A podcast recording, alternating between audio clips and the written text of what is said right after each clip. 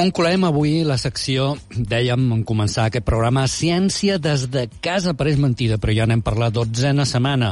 Hem estat uh, 12 setmanes uh, picant a les portes a través del telèfon de, de molts, de molts científiques, de moltes científiques i molts científics que no han aturat de fer feina, el que passa que han tingut que pues, readaptar els seus projectes i avui, en aquesta dotzena setmana de Ciència des de casa, volem parlar sobre el futur de la recerca científica a les Balears després del cop econòmic causat per la pandèmia del coronavirus.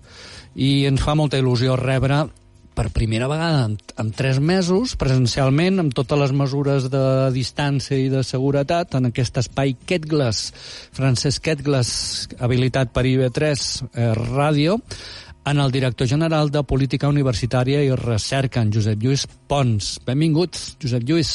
Bon dia, Enric, moltes gràcies. Com estàs? Molt bé, molt bé. Com ha anat el confinament? Uh, doncs molt, mm, han hagut de treballar molt, la veritat. Uh, crec que també és una sort no, el poder estar treballant durant uh, aquest temps de confinament perquè es compli també la situació ha estat bastant complicada, no? Uh, ens ha donat temps per, per reflexionar un poquet, també per, per haver d'aturar segons quins actes administratius no? que, que mos han endarrerit un poquet, però bé, hem anat, uh, hem anat intentant avançar en les dificultats que tot això uh, mos, mos, mos posava, no? Director, ens deia el ministre de Ciència, just ara fa set dies, que esperava, literalment va dir, cobrim els ulls. Esperava que obrim tots els ulls si és que volem tenir uns llocs de treball i un sistema de pensions com els que tenen els països del nord d'Europa o d'Àsia i va dir també que cal que ens fixem en aquests països i els seus nivells d'inversió en innovació, en coneixement i en recerca. La pregunta és, el govern balear té un pla per diversificar el model productiu? O dit d'una altra manera, hi ha vida més enllà del sector del turisme, director? Home, uh, ho demanes el, el qui ja està responsable de la legislatura passada d'innovació i recerca, ara torna a estar de responsable de recerca i política universitari. Jo supos que hi haurà un altre programa en el qual li demanaran el titular de turisme sí, sobre aquestes qüestions. no? que Però sí. a jo me toca demanar-li sí. això. Home, sempre, tu de més me coneixes. Jo sempre he defensat no, que, que hi havia una necessitat de diversificació del model econòmic. De fet, ja també varen presentar la legislatura passada el nou pla de ciència i tecnologia i que se centra amb els pilars no, de lo que hauria de ser Uh, per, per fer una, aquest, aquesta diversificació els pilars necessaris, no? que sobretot els talents, les persones, mm, l'excel·lència científica i la competitivitat amb altres paraules ho va estar parlant el ministre aquí la setmana passada i, i sí, estem treballant en aquest àmbit. De fet, des de la presidenta també s'ha comentat no?, que era necessari fer un esforç en recerca i intentar diversificar aquest model econòmic. Finals de maig, en, plena, en ple confinament, vàreu, eh, bé, ja començàvem a sortir eh, a la desescalada, vàreu aprovar un, un pla d'ajuts, crec, d'un milió d'euros per a investigadors eh, al Consell de Govern ho ha aprovat. Ah, val, sí, per el tema dels contractes postdoctorals. Sí, no, no, no ens hem aturat, o sigui, continuam, això és els contractes postdoctorals que traiem anualment. Una eh, convocatòria d'ajuts de, de la Direcció General de Política Universitària i Recerca uh. -huh. per... Eh, per... Per la contratació de personal investigador, no? Per la incorporació... Nous investigadors? De... Inves... O... Investigadors, o sigui... Uh, que, que... No són beques, això? Mm, no. No, són contractes. Són contractes. Són contractes investigadors i després sí que sortirà, esperant que en breu, eh, o que s'aprovi pel Consell de Govern eh, les beques predoctorals, no? els contractes per formació de personal investigador. Són dues, dues, dos àmbits dins recerca una és aquesta que tu has comentat, és incorporar investigadors ja doctors que eh, en el món laboral i l'altra seria per preparar eh, recent graduats no, a preparar la seva tesis doctoral. Això va ser a finals de maig, el dia 28 de maig, que mm. ho va aprovar el Consell de Govern. I la setmana passada, el divendres de la setmana passada, el, el Consell de Govern va autoritzar la signatura del conveni per a la construcció del pol marí. En vàrem xerrar amb en Joaquim Tintoré, el director del SOCIP, del Sistema d'Observació Costanera de les Illes Balears. Això implica posar en marxa un espai, no només pel SOCIP, sinó per tota una sèrie de eh, centres de recerca vinculats als estudis de la mà. Sí, exacte. Vàrem, hem començat el primer conveni que hem pogut signar, ha estat precisament amb el CSIC, que també comentar que el CSIC, el Consejo Superior d'Investigacions Científiques, s'incorporarà també dins el, dins el que és el sistema d'observació costanera, mm? el sistema d'observació costanera.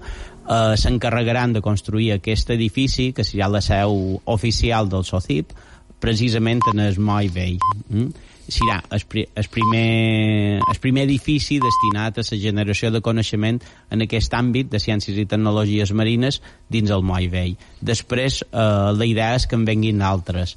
Ja tenim bastant avançat també amb el Centre Oceanogràfic de Balears i també estàvem parlant en la possibilitat de, de que l'IMEDEA també tingui un, uns espais allà. Estem esperant el projecte de l'IMEDEA per, per fer eh, generar el que és el Moll Vell un pol de coneixement en ciències i tecnologies marines. I també eh, promoure les sinergies entre eh, l'intercanvi no, entre ciència i empreses. Perquè els nostres oients se situïn on estarà físicament aquest espai? Aquest, de vora l'autoritat portuària, just darrere l'autoritat portuària. En aquella zona eh, ja hi ha un solar que està preparat, aquest en principi seria pel, per l'Institut Espanyol d'Oceanografia, el, el Centre Oceanogràfic Balear, i just abans hi hauria el del SOCIP, que encara han d'enderrocar no, l'edifici que hi ha en aquell, en aquell espai per poder construir. Uh mhm. -huh.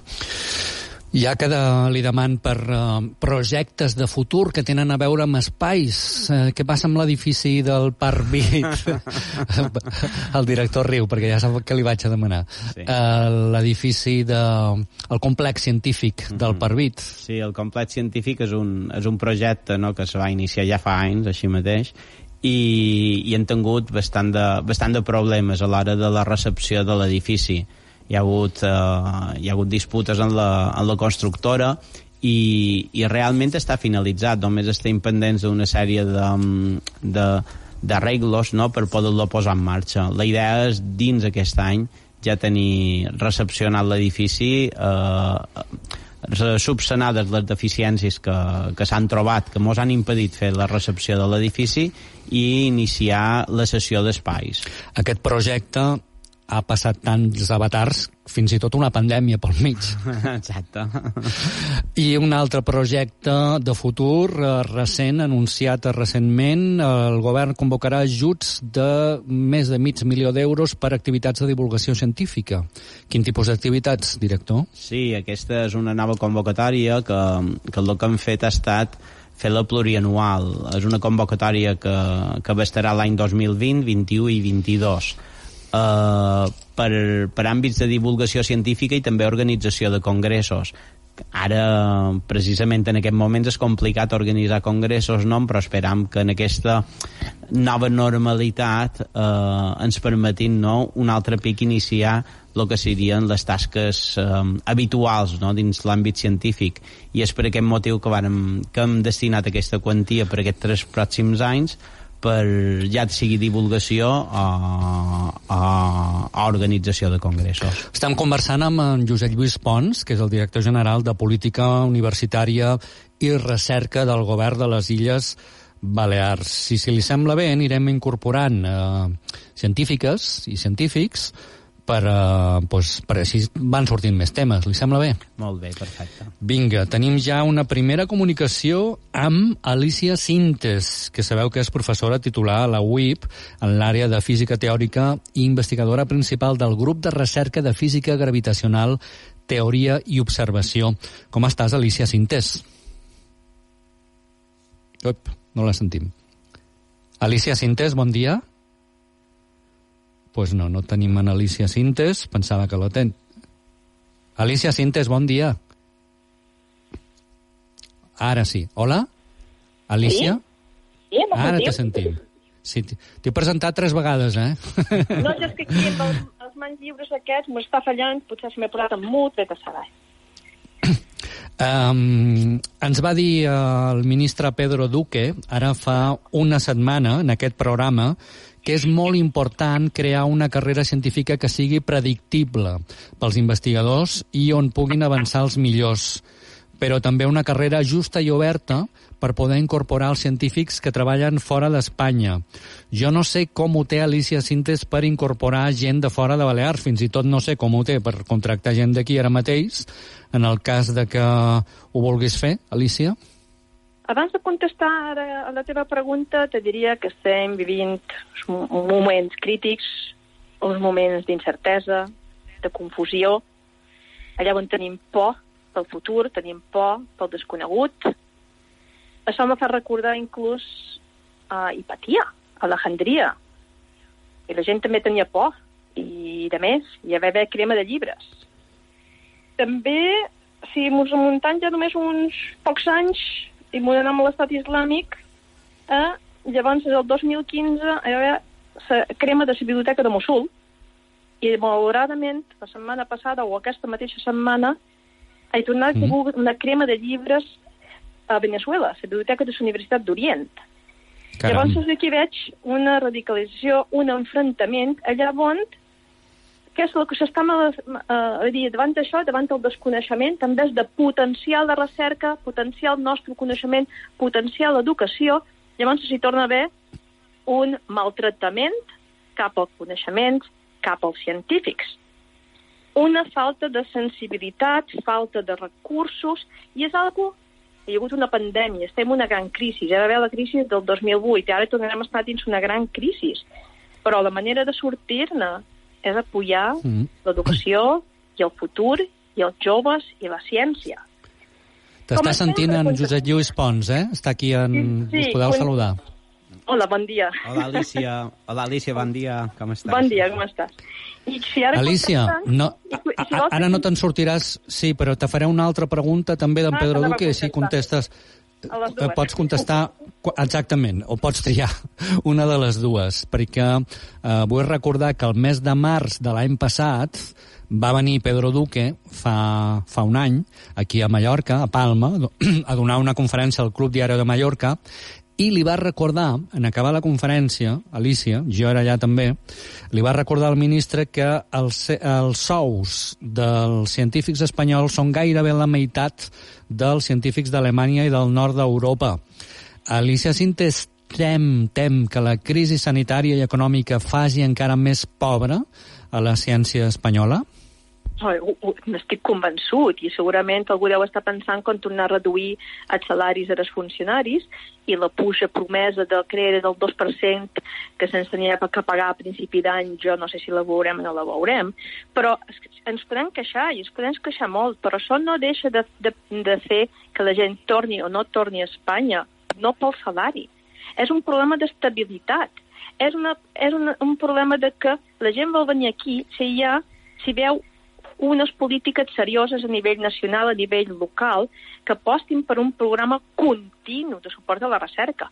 El que no pot ser uh -huh. és que hi hagi projectes, sí, plurialineals, sí, però de 3 anys, després estàs un any que pots no tenir res, després tot sí, i això fa que tens, sobretot joves en formació, joves predoctorals, joves postdoctorals, que a vegades els tens contractats, no els tens contractats, els deixes, gent que enganxa contractes un darrere l'altre dir, nosaltres hem tingut, hem estat un grup que, que ens ha anat bé, hem tingut molta visibilitat, hem format amb molta gent, però els que hem format en els darrers anys no ens ha tornat encara ningú al grup. Juan Caldera Angustillo en aquest moment és, és permanent, professor permanent a la Xina, a la Universitat de Hong Kong.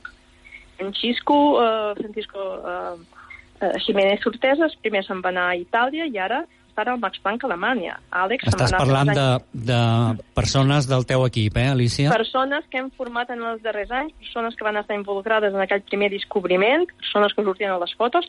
Quisco s'ha passat, com he dit, eh, primer a Itàlia i després a Alemanya. Àlex s'ha passat alguns anys a Cardiff, al Regne Unit, i ara té un contracte de sis anys en Lisboa. Però, bueno, és bo que la gent surti. I també hem tingut la Mem. sort de que sota el programa nacional de Beatriz Galindo ara tenim un investigador distingit, però és molt curiós que la gent, sobretot a nivell postdoctoral que han passat per les nostres mans, tots ells tenen places permanents a altres llocs del món. I aconseguir una plaça a Espanya és extremadament difícil. I, i la gent no és que no ve, eh, no, no, no és el salari, és aquesta política de que a vegades hi ha, a vegades no hi ha. És a dir, jo que li demanaria a Pep Lluís són polítiques oh, valentes. Sí, t'està sentint. Polítiques sí. valentes. Polítiques a valentes. València, a València, per Lluís, exemple, hi ha te demanen a, projectes... a Alicia. Sí, el, eh, a València hi ha els projectes Prometeo que donen més doblers que no els de Plan Nacional. Aquí hem tingut Alicia, la sort... anem a sentir a veure què ens diu el director. Ara li passaré dues preguntes. Aquí hi ha hagut els projectes GOI, que després se resolgui bé. Alicia I l'altra pregunta és, ha vingut- IRIP, IRIP com està? Molt bé, Alicia. Saludar-te, no?, primer, i, i sí, tu saps, tu saps els problemes que hi ha hagut, perquè a més les has patit, no?, el tema de projectes que varen treure, la primera convocatòria de projectes de recerca, problemàtiques de temes d'avaluació, que, que bé, anem aprenent també d'aquestes situacions. És una convocatòria que s'hi varen treure per projectes a 3 anys, eh, la idea és, tornen a treure una eh, entre finals d'enguany i l'any que ve, perquè hi hagi continuïtat. Estic completament d'acord amb tu, Alicia, que és necessari que hi hagi aquesta visió no, de projectes que es vagin molt més enllà de, del curt termini, d'aquests dos, tres anys. Um, lo que tot, tot costa molt, um, di, sobretot dins l'administració. Passa complicat poder tenir fons no, per, per poder treure aquest tipus de, de convocatoris, les varen treure i després varen venir els problemes que varen venir, no? però ara, ara ja sí que ja sí que estem a la recta final de, sa, de, de, de donar ja definitivament aquests i el tema de l'IRIP és un tema de llei, l'han de crear a través de la llei de la ciència. Què és l'IDIP? Expliqueu-lo què és. Perdoneu, sí, l'IRIP és l'Institució de Recerca de les Illes Balears, o pretén ser la Institució de Recerca de les Illes Balears, perquè encara no existeix, i és una, és una institució que intentarà atraure precisament talent aquí a Balears. Um, bé, bé se mos han, mos han, mos han basat no, amb, les, amb els fets, no, amb, els, amb el que és l'ICREA de Catalunya o l'ICRE Bàsquet del País Basc. Alicia, deixa'm que... Vull que saludis a una altra persona que tenim al telèfon. En Joan Perelló és president del clúster de Biotonologia i, Bio, i Biomedicina de les Illes eh, Balears, el BioIP, i és director general de la biofarmacèutica Sanifit. Mm, Bon dia, Joan. Hola, bon dia, Enric. En Joan està a Maó. Estic a Menorca, estic a Mercadal. Joan i Alicia no us coneixeu? Perquè en Alicia és menorquina, també. Doncs pues mira, no mos havíem conegut i en Enric m'ha dit fa una estona que parlaria després d'ella i el Manco, Alicia, molt content de poder saludar i, i des de la distància poder donar l'enhorabona per tots els èxits i per una, i per una trajectòria, que al final els èxits són conseqüència de molts anys de feina que, que és més invisible fins que, fins que surt alguna cosa. No, gràcies i l'enhorabona recíproca cap a tu. Jo crec que, a més a més, podràs coincidir que després d'aquesta pandèmia, aquesta experiència Covid, aquí tenim una economia basada en el turisme i crec que ara la gent, és un moment que la gent s'està conscienciant que hi ha que diversificar, ha que aconseguir unes balears més tecnològiques, que aconseguir unes balears més serveis, més serveis a una població que s'està envellint, i jo crec que també el que fes és impressionant, i sobretot a Menorca. Estava escoltant tot el que has dit i uh, ho, ho subscric tot. Uh, tenim una oportunitat ara immillorable per... Uh, crec que ja hem tingut temps per fer les reflexions i ara és el moment d'emprendre de, les accions. Però els missatges que dones um, uh, hem, hem d'anar cap aquí. Perquè jo crec que si no prenem aquestes decisions ara, crec que no ho arribarem a fer mai, perquè tenim una oportunitat històrica per, per fer una aposta per, per innovació i per investigació. Alicia Sintes... Doncs jo crec que aquí a Tabà de Balears no tenim sector primari, però, com la gent ha vist, se pot fer molt de teletreball i estar a les illes no impedeix poder diversificar i poder tenir una economia més diversa i basada en més temes, en més coses. Alicia, gràcies per estar amb nosaltres. Una abraçada. A tu, a tu i a tots els convidats. Gràcies. Una salutació per tot el teu equip.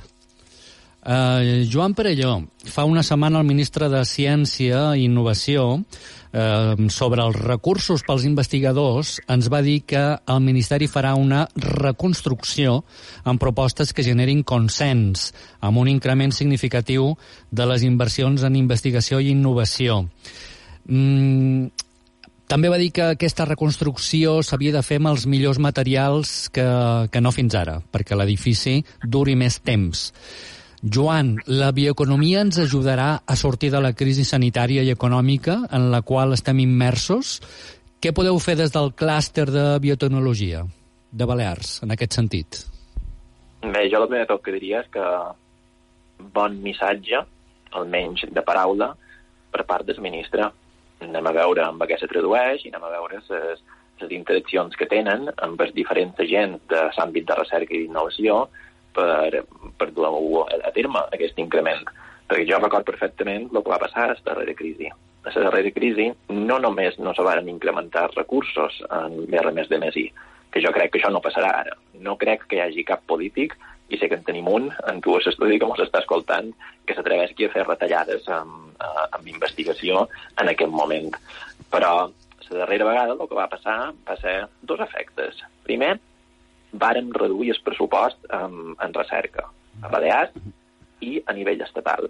I, a més, i això és molt més perillós i molta gent no ho sap en això, se va reduir l'execució del pressupost. És a dir, que nosaltres tenim unes estadístiques i deim, mirau, tot això és el que s'inverteix. No, no, no, tot això és el que ha pressupostat. Però després s'executava aproximadament la meitat de lo que hi havia pressupostat. Perquè tu demanaves un projecte i no te'l concedien. Se jugava en la no concessió d'ajudes, de projectes competitius i, i de més, canviant de forma arbitrària criteris de, de concessió. Jo espero que ara haguem après i que entenguem que tenim una necessitat de fer un canvi um, uh, que, que, ho hem sentit des de molts anys, no? la diversificació econòmica, ningú ha parlat mai de deixar d'apostar per turisme, sinó que afegiguem per, per sobre del turisme uh, aquest component mm. d'innovació i nosaltres, des de, des de BioIP, pues, ja ens hem ofert mm. tres vegades en el govern per aportar idees i per, uh, i per treballar conjuntament, no només aquest increment Tens en Pet Lluís eh, aquí mateix, li, po li pots demanar ara mateix eh, el que vulguis, eh? Joan? Bueno, pues, pues li demanem públic a eh, Pet Lluís, director general, el que hem parlat eh, com, com bé sap ell en, en privat. De fet, eh, des de BioIP varen treure una, uh, una proposta específica que, que la vàrem enviar, bueno, la vàrem presentar de paraula en el govern de les Illes Balears i després la vàrem anunciar a diferents medis de comunicació, que el que nosaltres proposam és un gran pacte polític. O sigui, proposam que eh, des de BioIP i que eh, es tiri el, el govern, però un gran pacte de totes les forces polítiques a nivell de Parlament, perquè si és recolzat per totes les forces polítiques el podrem fer atemporal, acíclic, i que no depengui de si tenim després canvis de, Eh, de color de, de partit polític en el govern, un pacte a 20 anys vista. No podem pensar en incrementar els esforços en recerca i que tindrem i que ara pitjam un botó aquí i que demà tindrem un resultat eh, allà d'estar. Això és a llarg termini. Bé, jo no sé si en Pet Lluís Pons a, a 20 anys té, té cap capacitat de, de, de resoldre alguna cosa. Com a mínim 4 anys sí que en té.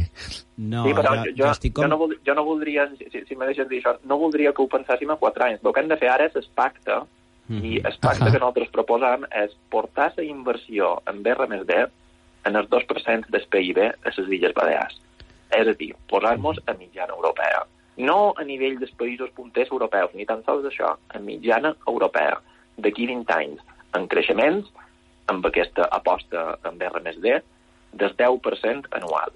I això és un pacte Vinga. que sí que el podem fer en aquesta legislatura, mm. i després, evidentment, aquest, aquesta, aquest creixement ha d'anar protegit per aquest pacte de totes les forces polítiques i se va aplicant progressivament uh, fins a arribar uh, a 20 anys a tenir pues, una economia que tingui un altre pilar que pugui aguantar quan venguin les futures crisis que seguiran venint. Pet Lluís, per cert, que ara quin és el PIB de Balears? Ara mateix l'inversió en més de per PIB, vens a dir, el 0,42. Sí, 0,42. Sí, sí, sí. I Espanya és de l'1,2. 1,2. I sí. la mitjana europea és del 2,1. Exacte. Mm. Sí, sí, sí. Estic molt lluny d'aquestes aquest, xifres. Vinga, les responem ràpidament uh, en, en, sí, en, bé, en Joan. Ju, abans saludar-te, Joan. Estàs sí, hola. Uh, com estàs? I bé, encantat, no?, d'avui quan t'he vist que estaves tu en aquesta mesa, he estat molt content també, com n'Alicia i Nana Travesset també.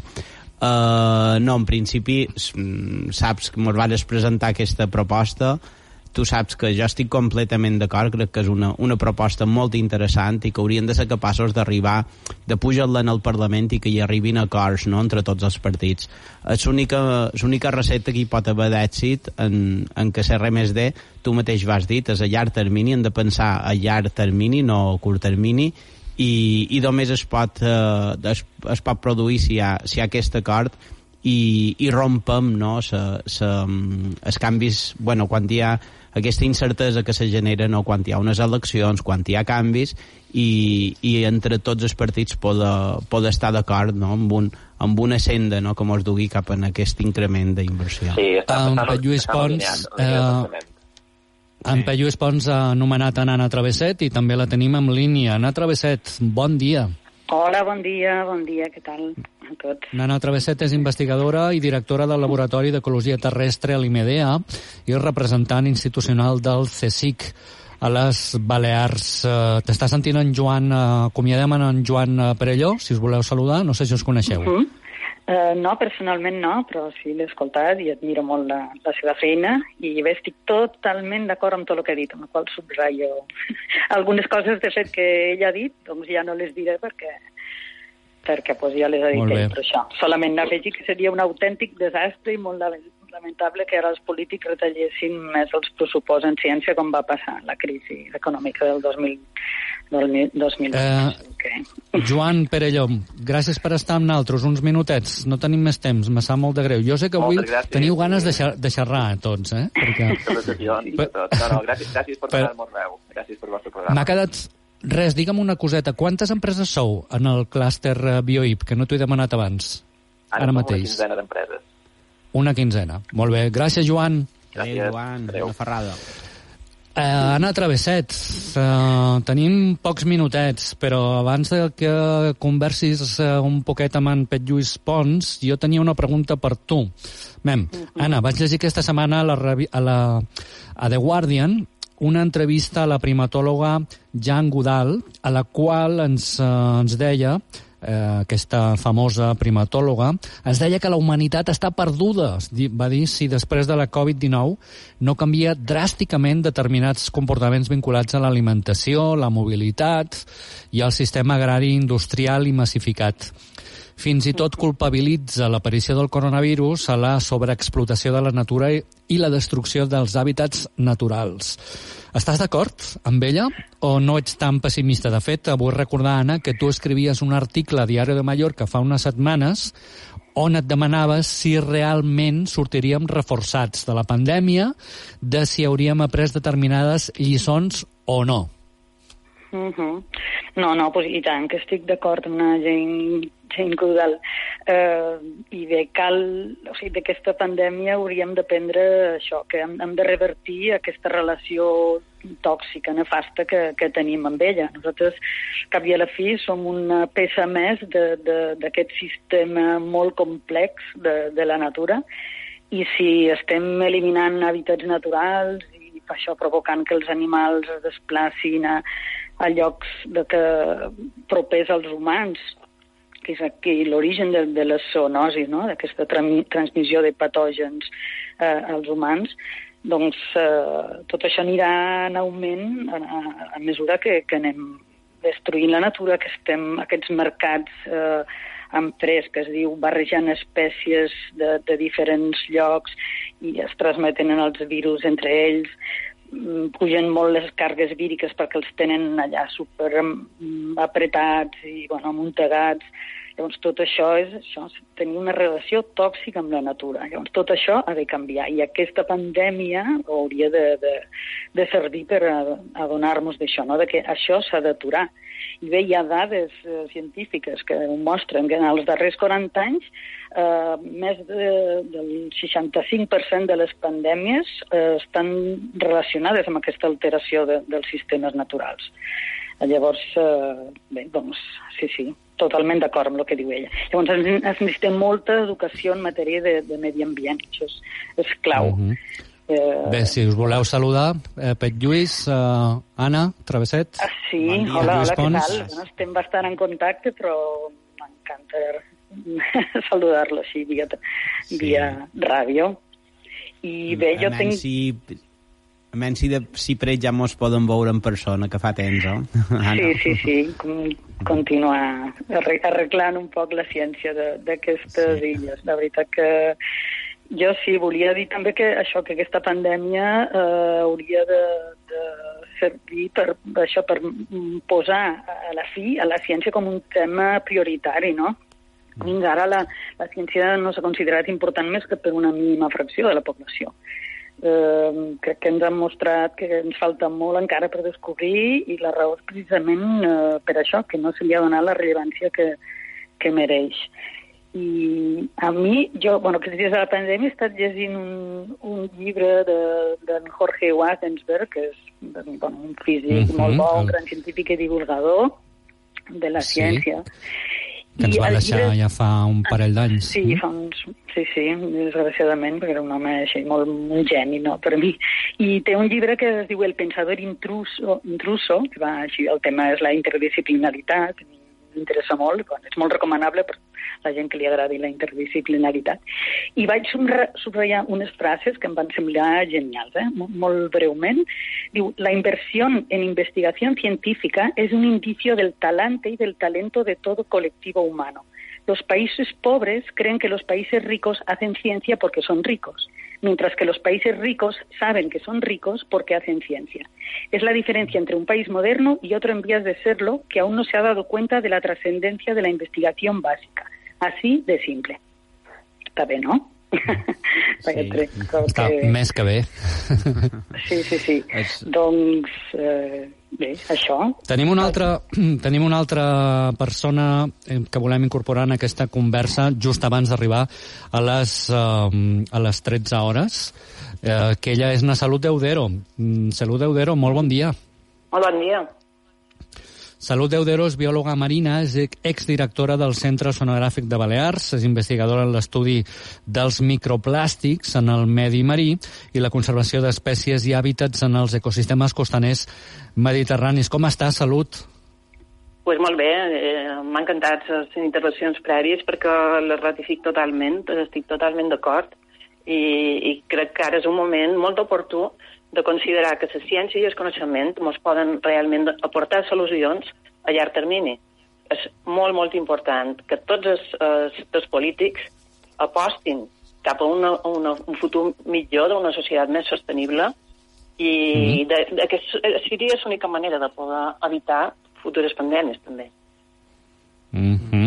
Deixa'm fer-te una pregunta ràpidament també per tu, Salut. Eh, eh, tornant al ministre de Ciència, que ens va dir fa set dies en aquest programa que no només hem d'augmentar recursos, sinó reformar de manera significativa les regles per les quals es fa investigació i innovació Espanya va dir que necessitem molta més agilitat en el procés i justificació dels projectes científics i així farem els canvis i també i per fer canvis legals necessaris, va dir. I confia Salut? Creus que arribaran aquests canvis i els científics de l'IEO del Centre Sonogràfic de Balears no haureu de dedicar tant de temps a resoldre tràmits burocràtics? Sí, jo crec que això és una, un mal comú de, de, ara actualment, que la burocràcia ens està ofegant a tots. Uh, és un, és, com es posa traves que, que impedeixen que, que el dinamisme i el ritme que requereix la ciència actual. Uh, encara així, és molt difícil que uh, realment és un problema de capital humà. Ja està l'Agència Estatal d'Investigació, hi ha molt poques persones que fan feina allà.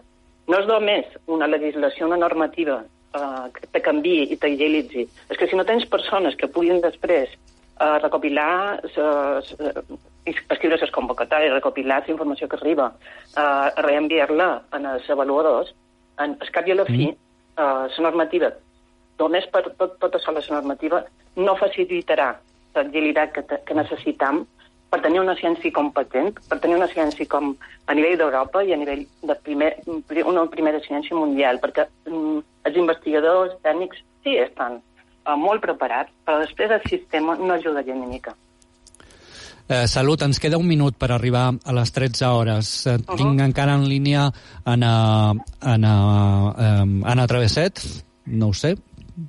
Sí, Hola, Anna, com anem? Aquí estic, hola, sí, què tal? Salut. Sí. Què tal? I sent, sentim en Pet Lluís Pons, director, sobretot el que hem sentit per concloure. Sí, bé, jo, jo mm, primer agrair la invitació aquí en els estudis, a IB3, eh, molt content no, les persones que han compartit aquesta mesa, eh, perquè sabeu que vos aprecia tots molts, mos coneixem, no? Molt difícil I... moderar una mesa així, eh? Molt complicat. A, a través del telèfon, eh? I, I bé, jo bàsicament dic que hi ha eixos que són bàsics, se n'han estat parlant un, els talents, són les persones, els investigadors, també la la gent que gestiona la ciència, ara mateix va comentar la salut, la legislació també és necessària, una legislació propícia per promoure la creació de coneixement i també és l'àmbit de les empreses. Unes empreses innovadores, tenir un bon teixit empresarial innovador estiria molt bé. I sí que crec que ja està quasi Acabem. fora de temps, només una cita que no. sí que m'agradaria després de Miquel Martí i Pol. Oh, Tot de... és possible. Escoltau la ràdio pública de les Illes Balears.